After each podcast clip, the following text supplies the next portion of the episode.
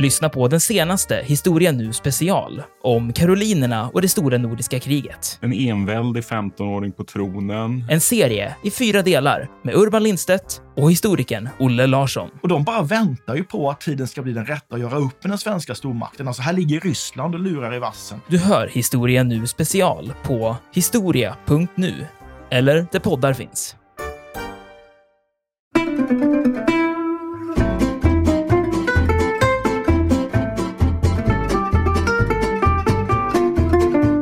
Men det började komma in underrättelser här under förmiddagen, tidig förmiddag, sen morgon, om att eh, man hade observerat då svenska enheter, svenska ryttare i skogarna då nordöst om staden. Och då gav sig den här eh, nya befälhavaren Rantzau ut då för att reka i spetsen för ett litet följe.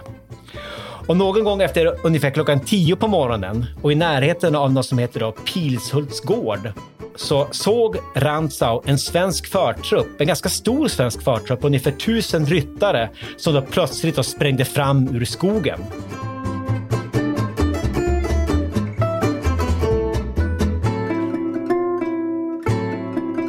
Podden En oväntad historia utgår från en liten händelse för att med glimten i ögat berätta den stora historien. Programledare är historikerna Olle Larsson och Andreas Marklund.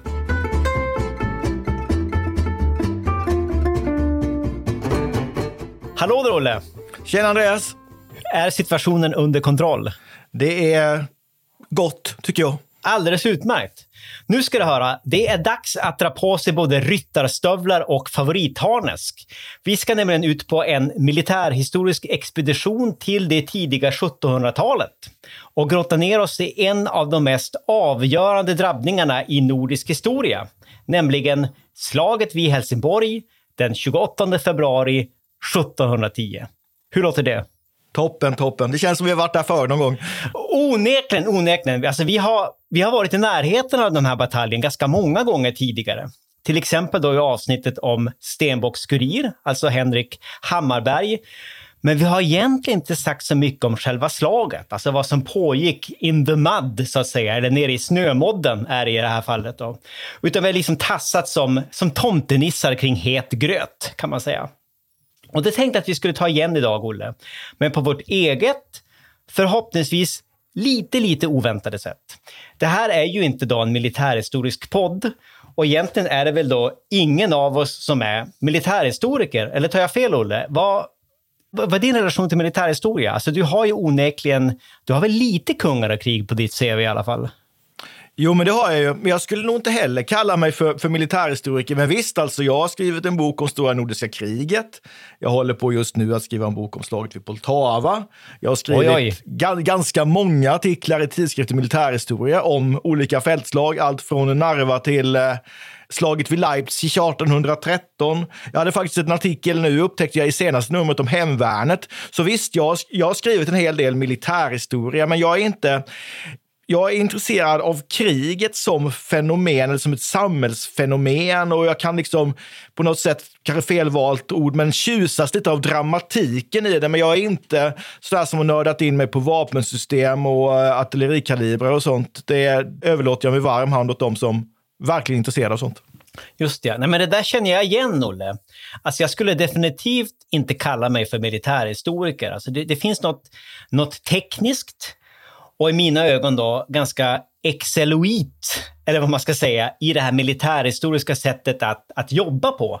Och det är inte riktigt kompatibelt med min väldigt, väldigt humanistiska hjärna och, och dess synapser. Men jag har då ändå alltid varit väldigt intresserade av krig som, som vad ska man säga, historiskt fenomen. Alltså hur kriget har påverkat olika historiska skeenden, processer och aktörer. Alltså ta 30-åriga kriget till exempel, eller, eller första världskriget. Bara för att ta två tillfälliga krig. Alltså det är ju verkligen då makrohistoriska super-events, eller vad man ska säga. Alltså troner har stört hotats till följd av dessa krig.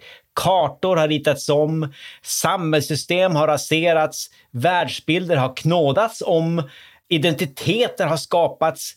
Samtidigt som de här krigen naturligtvis också har lett till att miljontals människor har dött i förtid. Och det måste ha lett till en massa annat onödigt lidande. Så jag tycker att det är svårt det här med krig. Alltså krigets väsen är ju i grund och botten bara vidrigt, objektivt sett. Eh, och krig i vår egen tid gör mig egentligen bara deprimerad. Jag tycker inte det är någonting fascinerande över samtida krig överhuvudtaget. Där vill jag verkligen mer göra som en struts och bara försvinna och glömma bort allt. Men alltså, det är ovedersägligt att de här, de här ständiga krigen har varit en, en extremt viktig drivkraft i historien. Och det tror jag är den kanske förnämsta orsaken då till att många historiker faktiskt tenderar att vara ganska besatta av krig och olika militära företeelser. Plus att krigen naturligtvis också har en tendens att generera då en massa, massa saftigt källmaterial. Och många av oss riktiga historiker, vi lever ju av och för källorna. Och det här med, vad ska man säga, skapande av, av, av häftigt källmaterial, det gäller inte minst det kriget som vi ska prata om idag, alltså stora nordiska kriget, också känt som stormaktens sista krig. Vi har ju pratat ganska mycket om Stora Nordiska kriget i den här podden, så jag tror inte att vi behöver säga så mycket om den större bilden. Alltså man kan lyssna på våra tidigare avsnitt om man vill höra mer om själva krigsutbrottet, om Karl XII, Poltava och sådana grejer. Idag ska vi istället zooma in på den här specifika drabbningen alltså slaget vid Helsingborg. Vad var det egentligen som hände där på själva slagfältet, nere i leran, i, i snömodden? Och vilka var kombatanterna egentligen?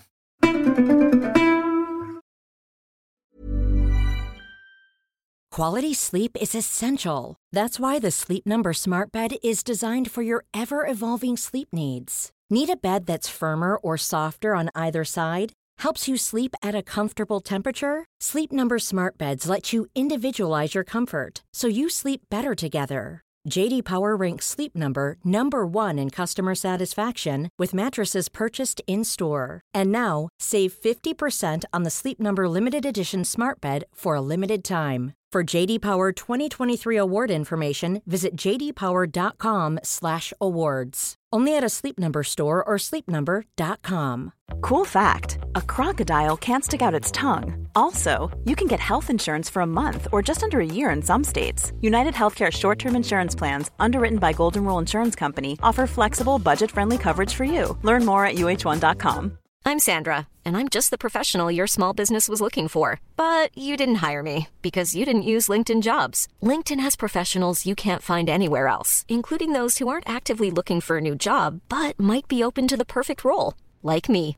In a given month, over 70% of LinkedIn users don't visit other leading job sites. So if you're not looking on LinkedIn, you'll miss out on great candidates like Sandra. Start hiring professionals like a professional. Post your free job on linkedin.com/people today.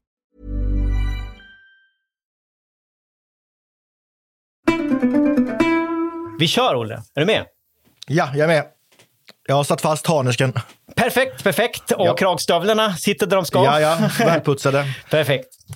Det är i början av mars 1710. Förmodligen den femte, men den 6 mars är också möjlighet. Platsen är Helsingborg, en liten stad i nordvästra Skåne som en gång i tiden hade fungerat som eh, en slags nyckelpunkt i det danska väldet. Med en stor och mäktig borg där kungarna av Danmark brukade hålla danahov och andra viktiga riksmöten. Men där i början av mars 1720 var Helsingborg en stad som definitivt hade sett bättre dagar. Jag tror att det är ett understatement att, att kalla det för en spökstad, alltså Helsingborg anno 1710. Förvisso var det nästan inga människor kvar. Alltså kvinnor och barn hade skeppats över till Själland av danskarna och danskarna själva, eller då egentligen då den danska armén. Det var ju inte den danska allmogen som var här, utan det var danska soldater.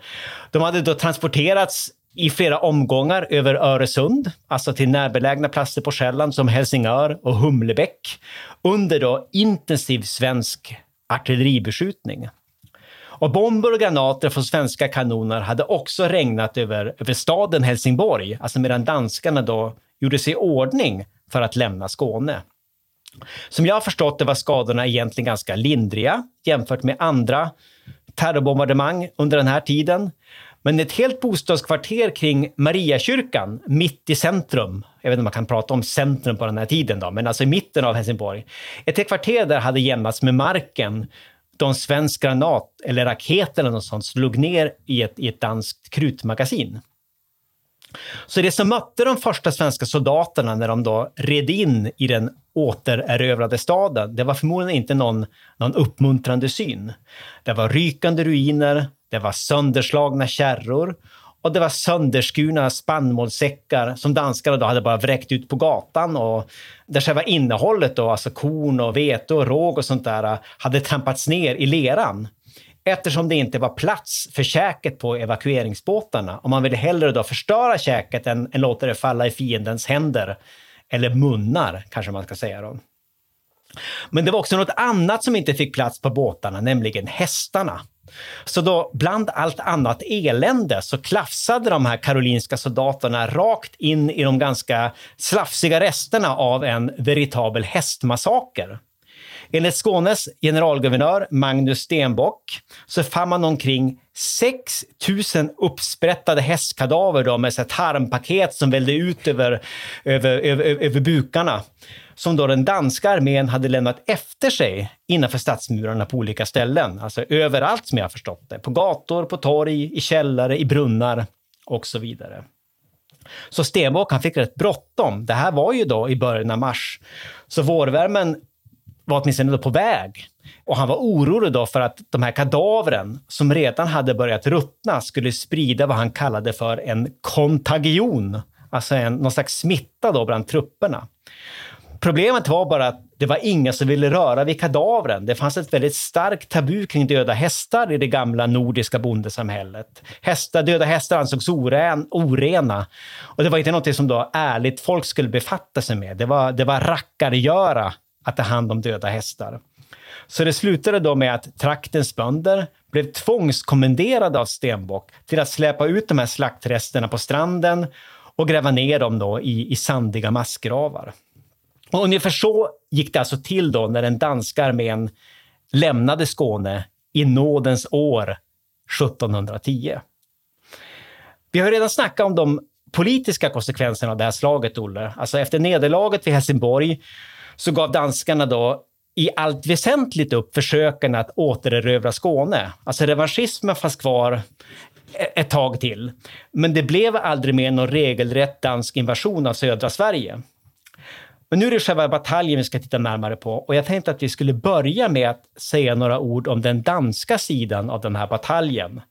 Så vad vet vi egentligen då om den danska armén, Olle? Hur hade den tagit sig över till Sverige? Cirka hur många soldater bestod den av? Och vem var egentligen då kommenderande befälhavare på den danska sidan? Ja, eh, jag skulle vilja börja ändå gå tillbaka till Poltava. Liksom. Den svenska fältarmén går under i Poltava. Jag kan inte släppa det. Alla eh, vägar leder dit. Just precis. Den 28 juni 1709 och sen en efterföljande kapitulation när hela fältarmén går under då i Perevolocna den 1 juli. Och det här får ju Sveriges tidigare besegrade fiender att vädra morgonluft därmed danskarna. Den svenska fältarmén finns ej mer. Sverige är i princip nästan på utan någon form av försvar. Och på hösten 1709 så kommer då den danska krigsförklaringen.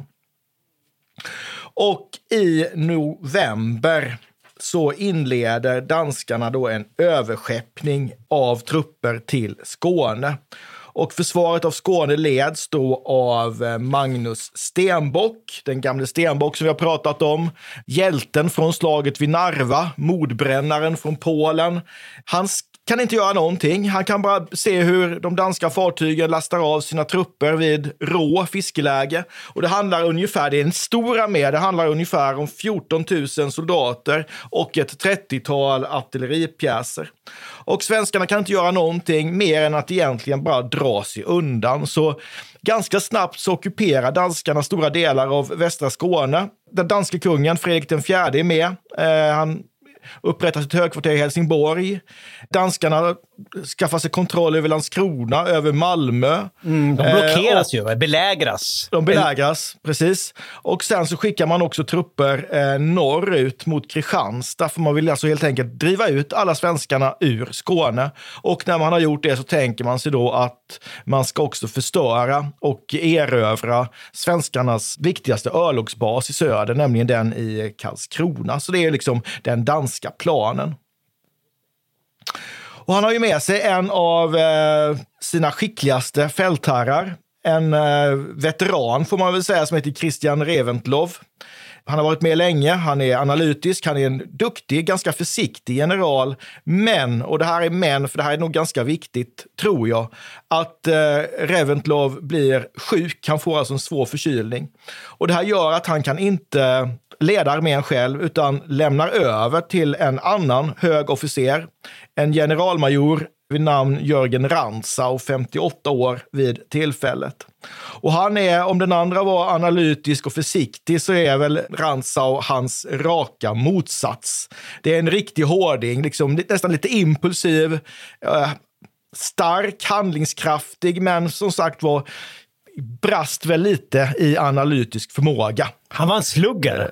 Han var en slugger skulle man säga. Han har ingen gard, han slår liksom från höften. Eh, prickigt bälte i rallarsving som någon skulle säga. Exakt.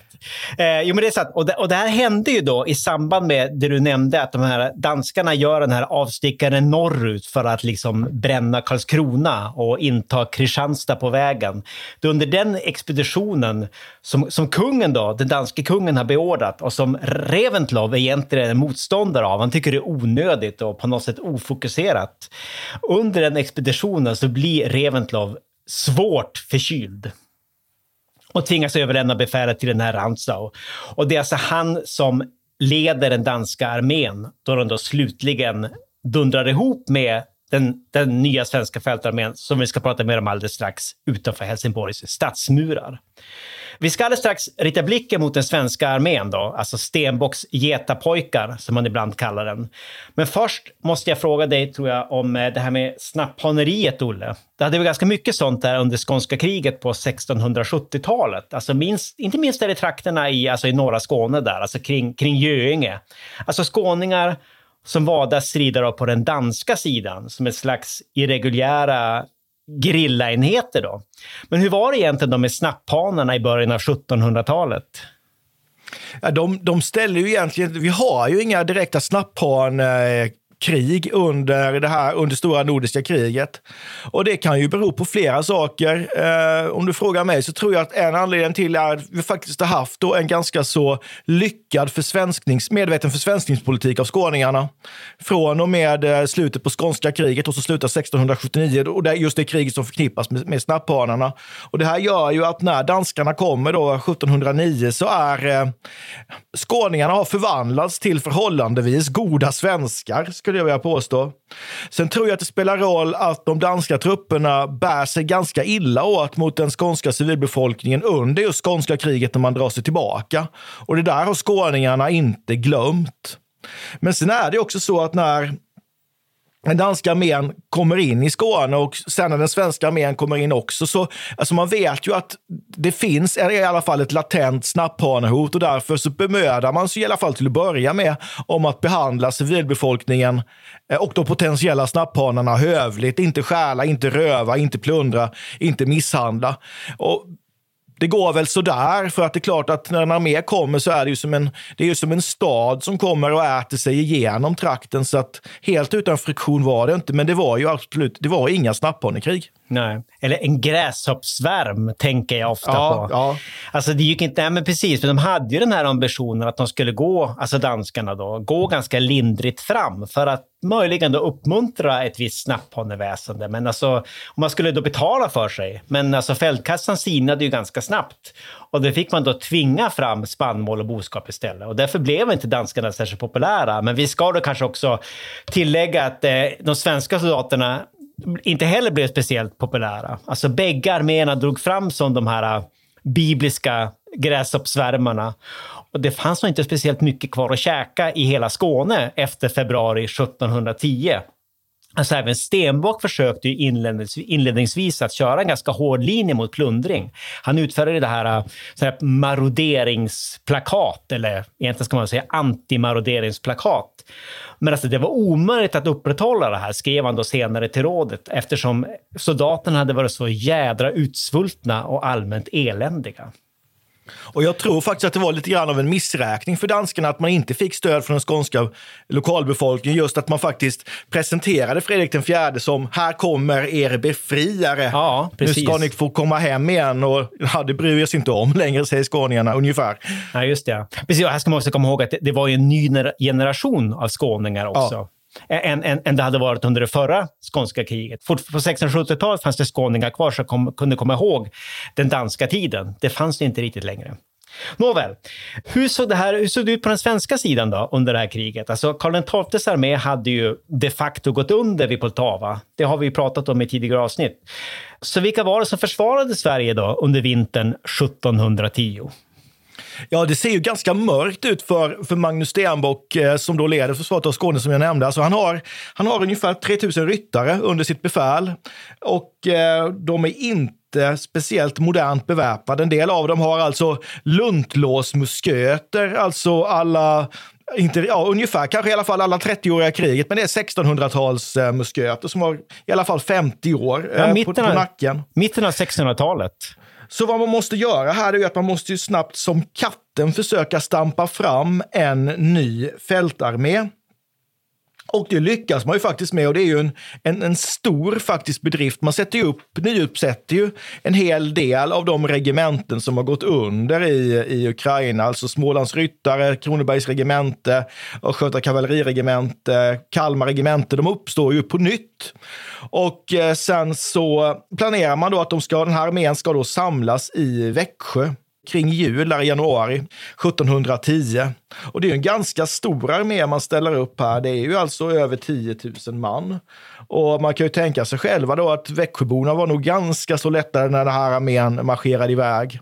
Efter- Eftersom man hade ett ganska jobbigt år bakom sig, så att säga, med en förfärlig vinter. Och 1710 var ju kallt också, men inte alls som 1709 när, Nej, nej, men det- när men det- armén frös ihjäl i Ukraina, tänkte jag säga. Nej, precis. Men, det var jädrigt bistra vintrar i största Det var allmänhet riktigt bistert och det här är ju under den period som kallas för den lilla istiden också. Där eh, vattendrag som normalt sett inte brukade frysa helt plötsligt frös. Jo, men vintrarna var ju många grader kallare då på den tiden än de är idag. Alltså även en normal vinter. Och just 1709 var ju då inte en normal vinter. Det här var kanske då mer en normal vinter. Men alltså det var, det var jädrigt kallt när de här trupperna som du just nämnde.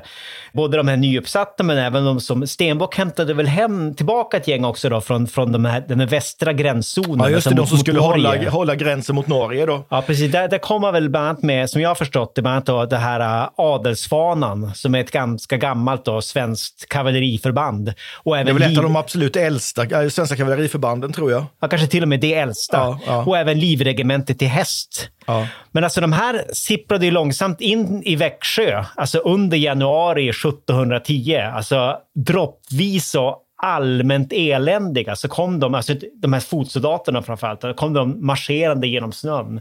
Men- Och de lär ju ha övat kavallerianfall på Växjösjöns is, alltså mitt i centrala eh, Växjö.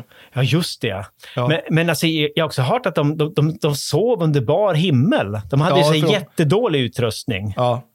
Annars så är det ju så att det här är ju ingen dålig fältarmé som man stampar fram. Det här är ju inte gamla gubbar och småpojkar i, i trasor, utan det här är ju i alla fall en förhållandevis välutrustad armé och väl försedda vad det gäller eldvapen och vad det gäller ammunition. Den stora bristen hamnade, handlade framför allt om, om värjor Ja som bara egentligen räcker till kavalleriet och de andra får klara sig med bajonetter egentligen då för, för, för närstrid. Ja, bajonetter och muskötkolvar, precis. Ja, precis. Men de har ju liksom, de har mo- moderna flintlåsvapen och de har en massa ammunition.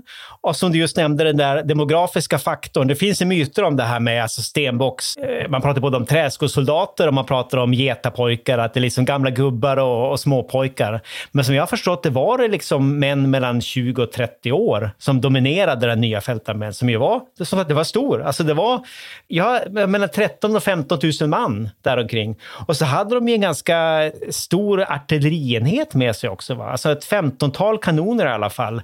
Under ledning av den här ganska välkände artillerimajoren Karl Kronstedt. Ja, han blir ju en legendar sen, framförallt för den här uppfinningen med anmarkbommar som gör att man kan flytta artilleriet ganska lätt på slagfältet. Nu hör jag att jag börjar låta som en militärhistoriker. Ja, ja precis. Ja, usch, ja. Ja. Mittåt. Det är smittsamt. Det är en kontagion som Stenbock skulle säga. Ja.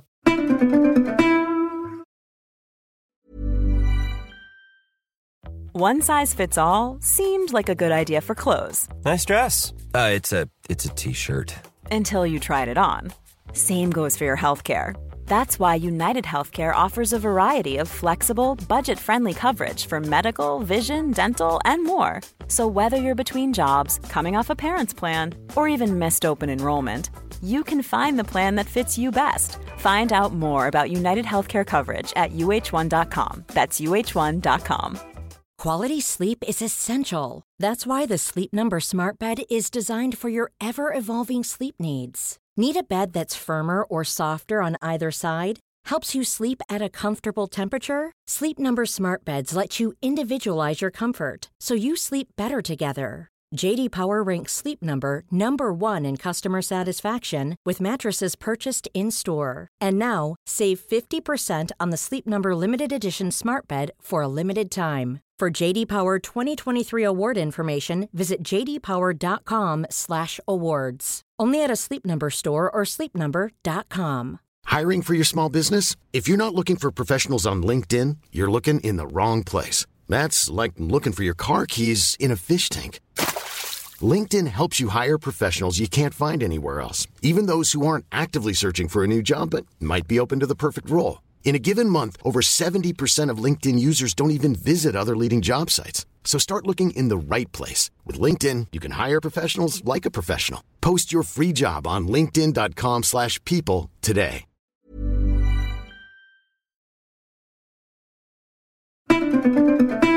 Det var ju jädrigt svårt att hitta käk åt de svenska trupperna här i, i det snötäckta inre Småland. Och man hade så dåligt med, med vinterutrustning. Alltså icke oväsentliga delar av åtminstone fotsoldaterna tvingades sova under bar himmel där i januari i eh, kanske minus 15-20 grader. Så det var viktigt att sätta sig i rörelse, alltså för att armén överhuvudtaget skulle överleva. Så i början av februari så marscherade man iväg då från Småland med Stenbock i spetsen då, för att tvinga fram en snabb konfrontation och ett avgörande fältslag då mot danskarna. Och det var i det här läget då som danskarna tvingades byta befälhavare. Och bland det första som den här nya snubben då, sluggen Jörgen Rauntza gjorde, han fattade det här beslutet om att danskarna skulle retirera till Helsingborg eftersom man då var lite orolig för att, ja, att armén annars kunde då bli isolerad, avskuren från, från Danmark, alltså från den danska sidan, Själland. Men vi ska komma ihåg att Öresund är ju väldigt, väldigt smalt där eh, mellan Helsingör och Helsingborg. Det är väl, det är väl knappt fem kilometer, alltså folk simmar ju över det där i, i, i, i våra dagar. Men det var så här då, och på måndagen den 28 februari 1710 som den nya, låt oss till och med säga purfärska svenska fältarmén då, till sist brakade ihop då med, med den danska invasionshären. Och det började med en, en kall och dimmig vintermorgon. Svenskarna hade varit i rörelse då hela natten medan den danska armén då väntade utanför Helsingborgs stadsmurar. De flesta låg och vilade i sina tält. Jag har fått för mig att de flesta hade kläderna på, för man visste ju att eh, svensken fanns i området. Men det började komma in underrättelser här under förmiddagen, tidig förmiddag, sen morgon, om att eh, man hade observerat då svenska enheter, svenska ryttare i skogarna då nordöst om staden. Och då gav sig den här eh, nya befälhavaren Rantzau ut då för att reka i spetsen för ett litet följe. Och någon gång efter ungefär klockan tio på morgonen och i närheten av något som heter då Pilshults gård. Idag tror jag det är en stadsdel i Helsingborg, alltså Pilshult, men då låg det just utanför stadsmurarna. I närheten av den här gården så såg Rantzau en svensk förtrupp, en ganska stor svensk förtrupp, ungefär tusen ryttare som då plötsligt då sprängde fram ur skogen. Så Rantzau, som också då satt till häst, han skyndade tillbaka till, eh, alltså till Helsingborg, till stadsmurarna och såg till att det omedelbart sköts en varningssignal då på den danska sidan. Det var tre kanonskott från vakttornet Kärnan i Helsingborg. Alltså det var det enda som fanns kvar av den här gamla danska kungaborgen som jag nämnde i början av det här avsnittet. Och det här vakttornet finns ju fortfarande kvar. Det är väldigt mäktigt. Och danskarna gjorde sig redo för strid. De ställde sig upp i slagordning bakom bröstvärn och spanska ryttare i någon slags eh, röd linje. Danskarna var ju rödrockar på den här tiden. Dessutom hade Raunsa fått upp ett gäng riktigt tunga kanoner på Ringtorpshöjden, alltså strax utanför stadsmurarna, som ganska pronto då började bestryka svenskarna med kanonkulor, druvhagel och annat obehagligt. För det gick snabbt det här. Medan danskarna gjorde sig i ordning och ställde sig upp i den här långa röda linjen så kom då den svenska huvudarmén ut ur skogen med vajande fanor. Och ackompanjerade då av eh, pukor och pipade flöjter så placerade sig de svenska soldaterna då i två parallella slaglinjer som då var blåa i allt väsentligt. Alltså karolinerna hade ju blågula uniformer. Och någon gång just före klockan 12, alltså mitt på dagen, så började då den här eh, armén i de här två linjerna att marschera framåt över slätten mot Helsingborgs stadsmurar. Vad man kan lägga till här det är ju att svenskarna var ju kända för att anfalla i mycket högt tempo. Det var ju ett av svenskarnas segervapen på, på slagfältet. Och kvällen före slaget vid Helsingborg så ställer ju eh, Stenbock upp sin nya armé och han ger ju också instruktioner för eh, hur slaget ska utkämpas dagen efter. Och bara, han säger bland annat till rytteriet att rytteriet ska endast bruka värjan, alltså inte pistoler som man brukar, utan en, brukar endast värjan. Hugger icke, utan sticker mot ögonen och halsen, säger Stenbock. Han uppmanar också infanteriet att gå i högt tempo nära in på, på motståndaren, in i den fientliga elden, stanna på ganska kort avstånd, avlossar musketerna, marschera fram några meter till, avlossa musketerna igen. Det lär ju få samma effekt ungefär som om man slår gräs med en lie för de trupper som kulorna slår in i. Och sen ska man då hugga in på, på fienden med blanka vapen. Och man ska inte ta några krigsfångar, säger eh, eh Stenbock, om det inte är så att man kan ta hela regementen till fånga. Utan han avslutar det här med falle vad som falle kan. Så det är alltså, det är ingen pardon. Nej, det är bäddat för slakt kan man säga. Det är bäddat för slakt. Men det är också här omkring som han då, han skriver, antingen säger han det eller så skriver han det i det här, han, han, han, han gör ju någon slags en egen, vad ska man säga, manual för soldaterna där när de samlas i Växjö. Någonting om att för Gud, konungen, fäderneslandet och ert eget odödliga beröm varandes bättre dö än illa fäkta.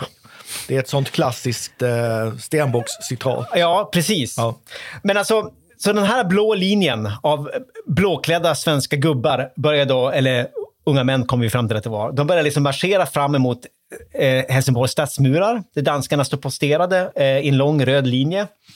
Men det finns ju ett ganska svårforcerat hinder på vägen, inte sant Olle? Alltså det gick inte bara att marschera raka vägen fram och börja fighta direkt. Nej, man kan ju inte direkt säga att, att terrängen var gynnsam för svenskarna. Här ska man då över en eh, torvmosse, man ska över en kärn, man ska över, över eh, istäckta våtmarker. Eh, och man vet ju inte heller liksom hur tjock och hur, hur hållbar är isen. För det första blir det ju också ganska halt, men isen är ju heller inte speciellt tjock, vilket gör att man då trampar igenom. Och då fastnar man. Det är svårt för soldater att ta sig fram, det är svårt för eh, hästar att ta sig fram. Eh, kanonerna fastnar med sina tunga eldrör, sina trähjul. Alltså det, det är mycket, mycket, mycket bökigt helt enkelt. Samtidigt som man då får tänka sig att allt det här sker då under en intensiv beskjutning från både danska handeldvapen och inte minst då danskt artilleri. Precis. Svenskarna föll i drivor i den här, vad ska man säga då, naturliga vallgraven som hade bildats där framför, just framför då den, den, den, danska röda linjen. Och Stenbock skrev då senare till rådet någonting om att isen bar någorlunda, dock inte alldeles. Så det var, det, det var rätt, under, under svåra förhållanden man liksom eh, marscherade genom, vad ska man säga, just den, den biten av, av, av slagfältet. Och sen gjorde då det danska kavalleriet ett, ett väldigt kraftigt utfall under då den här nya överbefälhavaren Jörgen Raunsaus ledning, under hans personliga ledning. Som sagt var han en, en slugger och en fighter som var bra på att slåss, men kanske inte alltid eh, tänkte. alltså, han lyckades alltså slå tillbaka hela den vänstra sidan av den svenska armén. Eller den vänstra flygeln säger man ju om man är en riktig militärhistoriker. Och jag tror till och med att man, man tillfångatog en av Stenbocks kommenderande undergeneraler under det här utfallet, alltså en Burensköld. Så det började ganska dåligt för den svenska sidan. Men samtidigt så innebar det här då väldigt, väldigt snabba kavallerianfallet att, att det öppnades en enormt stor lucka i den här danska slaglinjen, den här röda linjen. Och Rantzau som var på den främre sidan av den här luckan, han var ju mitt inne liksom, alltså, i den svenska röran. Han förlorade kontakten med resten av armén och han var överbefälhavare. Och här känns det ju som att han, han, det är ju, här är det ju adrenalinet som talar och inte den analytiska förmågan. Precis, det är så det känns. För just den här luckan som Rantzau eh, skapar genom att rycka fram så hastigt med sitt kavalleri, den blir ju faktiskt slagavgörande. Ja, exakt. Och dessutom blir ju Rantzau också allvarligt sårad här. Han blir ju, alltså han inte bara då tappar kontakten med stora delar av armén, han får ju också ett skott rakt genom lungan och får ju föras bort från slagfältet. Alltså det här innebär ju att danskarna utkämpar ju delar av, av, sista delen av slaget egentligen utan en riktig befälhavare. Ja, precis. precis. Till skillnad från Stenbock då, som hela tiden håller sig, han håller sig i bakgrunden, han sitter till häst med en tubkikare, hela tiden omgiven av eh, ordonanser som han skickar fram och tillbaka med sina order. Men han bevarar ju faktiskt överblicken under det här slaget. Medan Ransov som sagt, han rider in i, jag tror det är en ung svensk fänrik, som helt plötsligt har den danska överbefälhavaren framför sig i Villevallan och avfyrar pistolen pistolerna och snubben faller ihop. Överlever, men som sagt, han är incapacitated, som man säger på engelska. Han förs bort från slagfältet. Och då svenskarna till sist då lyckades ta sig över de här sankmarkerna tillsammans då med Kronstedts fältkanoner som man fick genom den här röran. Eh, de kunde ju börja spotta järn på väldigt, väldigt nära håll, point blank. Då gick den danska armén ganska snabbt i upplösning, alltså hela den här slaglinjen. Och tusentals rödrockar släppte nu sina vapen och började rusa mot Helsingborg. Många hann i säkerhet, men de hade ju då Stenbocks i, i bagaget, vad man ska säga, de här svenska soldaterna. Så det var ju flera hundra som höggs ihjäl i flykten av kavalleriet när de red fram dem med sina karolinervärjor, sina huggvärjor. Och det här illustrerar ganska väl då att bland det farligaste man kan göra på ett slagfält är att fly. Och det som absolut inte får hända när man slåss med de här slagfältsuppställningarna som man gör den här tiden är att det får inte bli den här typen av luckor som Ransau skapar, för det är livsfarligt. Ja, precis. Jag tror de flesta danskarna faktiskt stod i flykten under det här slaget. Och vid pass klockan fyra var då själva slaget över och Stenbock kunde då skicka sin adjutant Henrik Hammarberg, som vi har pratat om tidigare, eh, som kurir till Stockholm med bud om en som då Stenbock själv uttryckte saken, härlig Victoria. Och den här härliga Victorian, den var ju då också ett väldigt, väldigt blodigt slag, Olle. Alltså, body counten var dock inte lika hög som vid Lund 1676. Det räknas ju som det allra blodigaste slaget på nordisk mark överhuvudtaget. Men det är ändå ganska skrämmande siffror. Alltså enligt de officiella rapporterna så förlorade danskarna 4 600 soldater i döda och sårade under de här fyra timmarna. Dessutom togs hela då 2677 danskar till fånga. Så den totala danska förlustsiffran var på ungefär 7000 man. Men även de svenska förlusterna var rätt kännbara. Cirka 800 man stupade och 2000 sårades. Och de allra flesta svenskarna hade då fallit, alltså dött under den här marschen genom träsken i inledningsskedet av slaget. Alltså mellan ungefär halv ett och halv två på eftermiddagen tror jag. För här blir man ju relativt stillastående mitt i, mitt i elden. Ja, precis, precis. Det där var verkligen en dödsfälla. Under slaget. Det är mycket man kan säga om det här, Olle. Och jag tycker det är svårt att hitta en passande avslutning. Ibland kan det till och med kännas som det kanske är svårt att hitta ett, passande tonläge också, när det handlar om, om så här mycket död och lidande. Men jag väljer att ställa då en kontrafaktisk fråga. Hade historien kunnat utveckla sig annorlunda om den ordinarie danska befälhavaren Christian Reventlow, Reventlow tror jag man säger, om inte han hade blivit förkyld? Ja, det är en intressant kontrafaktisk fråga. Eh, låt säga då att Reventlov hade varit med upp och försökt stoppa svenskarna i norra Skåne och, och, inte dragit sig tillbaka mot Helsingborg så pass hastigt som man gjorde. Det är ju möjligt att eh, danskarna kunde få till ett, ett mer gynnsamt fältslag på någon annan plats än utanför Helsingborg och kanske stoppat svenskarna redan där. Och då kanske det hade då kanske Skåne faktiskt hade blivit återerövrat av danskarna. Alternativt så hade en annan befälhavare i Helsingborg, en eh, Ransau, fört de danska trupperna på ett annat sätt, kanske agerat mer analytiskt och mindre eh, adrena, adrenaliniskt, tänkte jag säga, men mindre adrenalinstyrt och då, då kanske inte den här luckan det hade uppstått. Det är mycket möjligt att svenskarna hade segrat ändå, men segern hade inte jag ska inte säga att det var en lätt seger vid Helsingborg, för det var det inte, men det hade blivit annorlunda, absolut. Mm. Intressanta tankar, Olle. Nu tror jag det är dags att säga stopp för idag. Och tack och farväl. Spännande. Tack så mycket. Mycket spännande. Vi ses! Vi ses. Hej då! Hej! Hej! Vi tackar programledarna Olle Larsson och Andreas Marklund. Kontakta gärna Olle och Andreas på ovantad.historia.nu.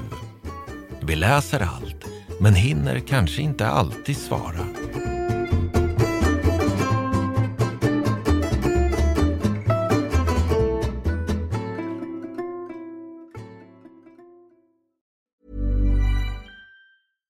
Hey, it's Paige DeSorbo from Giggly Squad. High quality fashion without the price tag. Say hello to Quince. I'm snagging high-end essentials like cozy cashmere sweaters, sleek leather jackets, fine jewelry, and so much more. With Quince being 50 to 80% less than similar brands. And they partner with factories that prioritize safe, ethical, and responsible manufacturing. I love that. Luxury quality within reach. Go to quince.com slash style to get free shipping and 365 day returns on your next order. Quince.com slash style.